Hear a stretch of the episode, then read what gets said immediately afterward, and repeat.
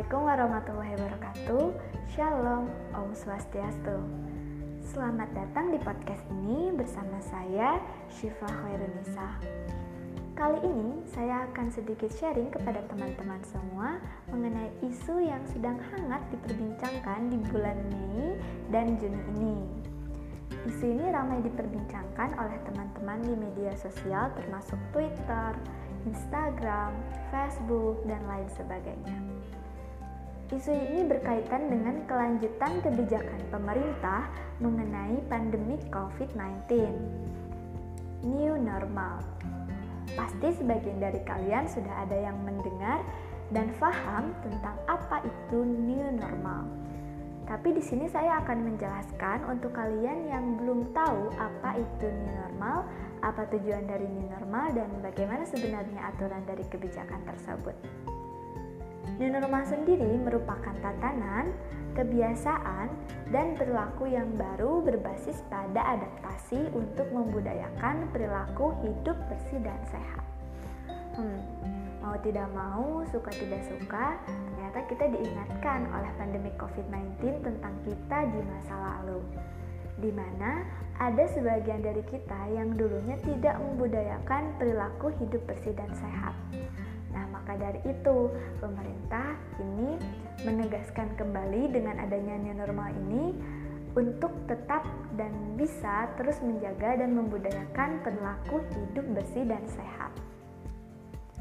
New normal ini diharapkan tetap bisa membuat masyarakat produktif walaupun berada di tengah ancaman pandemik yang sedang melanda. Nah, selama pandemik kita pasti sudah tahu, hal yang paling terdampak adalah sektor perjalanan. Berpergian dari satu daerah ke daerah yang lain atau dari satu negara ke negara yang lain. Nah, teman-teman harus tahu nih, di era new normal ini pemerintah mencabut surat edaran nomor 4 tahun 2020 dan surat edaran nomor 5 tahun 2020 yang hanya mengizinkan orang-orang tertentu yang boleh melakukan perjalanan. Surat tersebut kemudian diganti oleh pemerintah dengan menerbitkan surat edaran nomor 7 tahun 2020 oleh gugus tugas percepatan penanganan COVID-19. Surat ini mengatur kriteria dan syarat perjalanan orang di masa adaptasi new normal. Jadi kita sudah bisa melakukan perjalanan nih teman-teman, namun tetap dengan aturan dan syarat yang berlaku. Dalam surat edaran tersebut, membagi jenis perjalanan dalam dua kategori, yakni perjalanan dalam negeri dan perjalanan dari dan ke luar negeri. Kita bahas satu-satu ya teman-teman perjalanan dalam negeri. Orang-orang yang hendak melakukan perjalanan dalam negeri memiliki tiga syarat nih. Yang pertama, wajib mengunduh dan mengaktifkan aplikasi Peduli Lindungi pada perangkat telepon genggam masing-masing. Yang kedua, menunjukkan identitas diri atau KTP dan surat keterangan uji tes PCR dengan hasil negatif atau rapid test dengan hasil non-reaktif yang berlaku tiga hari saat hari keberangkatan.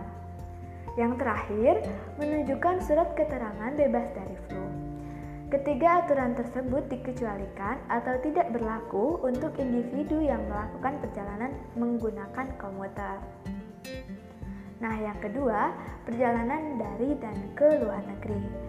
Sedikit berbeda dengan orang yang melakukan perjalanan di dalam negeri, orang-orang yang hendak melakukan perjalanan dari dan ke luar negeri harus melakukan karantina selama hasil tes PCR mereka keluar. Karantina dilakukan selama menunggu hasil tes dan ditempatkan di tempat khusus yang telah disiapkan oleh pemerintah. Pemeriksaan tes PCR untuk perjalanan orang dari luar negeri ini dikecualikan pada pos lintas batas negara atau PLBN yang tidak memiliki peralatan PCR. Bagi yang melakukan perjalanan di PLBN ini hanya diminta untuk melakukan rapid test dan menunjukkan surat keterangan bebas gejala seperti influenza. Dalam surat edaran tersebut dijelaskan bahwa pemerintah dan pemerintah daerah berhak melarang dan menghentikan perjalanan orang apabila tidak memenuhi syarat yang telah ditetapkan. Nah, jadi teman-teman, Jika kita ingin melakukan perjalanan, kita harus tetap disiplin guna menjaga diri kita dan orang-orang yang ada di lingkungan kita. Meski normal ini masih dipermasalahkan bagi sebagian kalangan, namun pemerintah pun bukan tanpa alasan, teman-teman. Keterpurukan ekonomi akibat adanya COVID-19 tidak ditanggulangi dengan baik, maka akan sangat membahayakan perekonomian negeri ini. Selain itu, bahaya yang akan muncul adalah terjadinya krisis yang pemulihannya sangat sulit, akan sangat berat bagi pemerintah dan bagi kita tentunya. Hmm, berhasil atau tidaknya sebuah kebijakan bergantung pada kedisiplinan masyarakatnya itu sendiri. Jika kita bisa patuh pada aturan dan mau sedikit bersabar, kita pasti bisa secepatnya melawan dan mengusir COVID-19 selain berdoa dan menyerahkannya semu dan menyerahkan semuanya pada Tuhan, kerjasama dirasa perlu untuk dilakukan. Karena dalam kondisi ini, semua memiliki perannya masing-masing. Semoga kita bisa secepatnya pulih agar bisa saling bertegur sapa secara langsung kembali. Mungkin podcast kali ini cukup sampai di sini. Jumpa kembali dalam podcast-podcast berikutnya. Terima kasih sudah mau mendengarkan. Semoga bermanfaat. Stay happy and healthy. Wassalamualaikum warahmatullahi wabarakatuh. thank you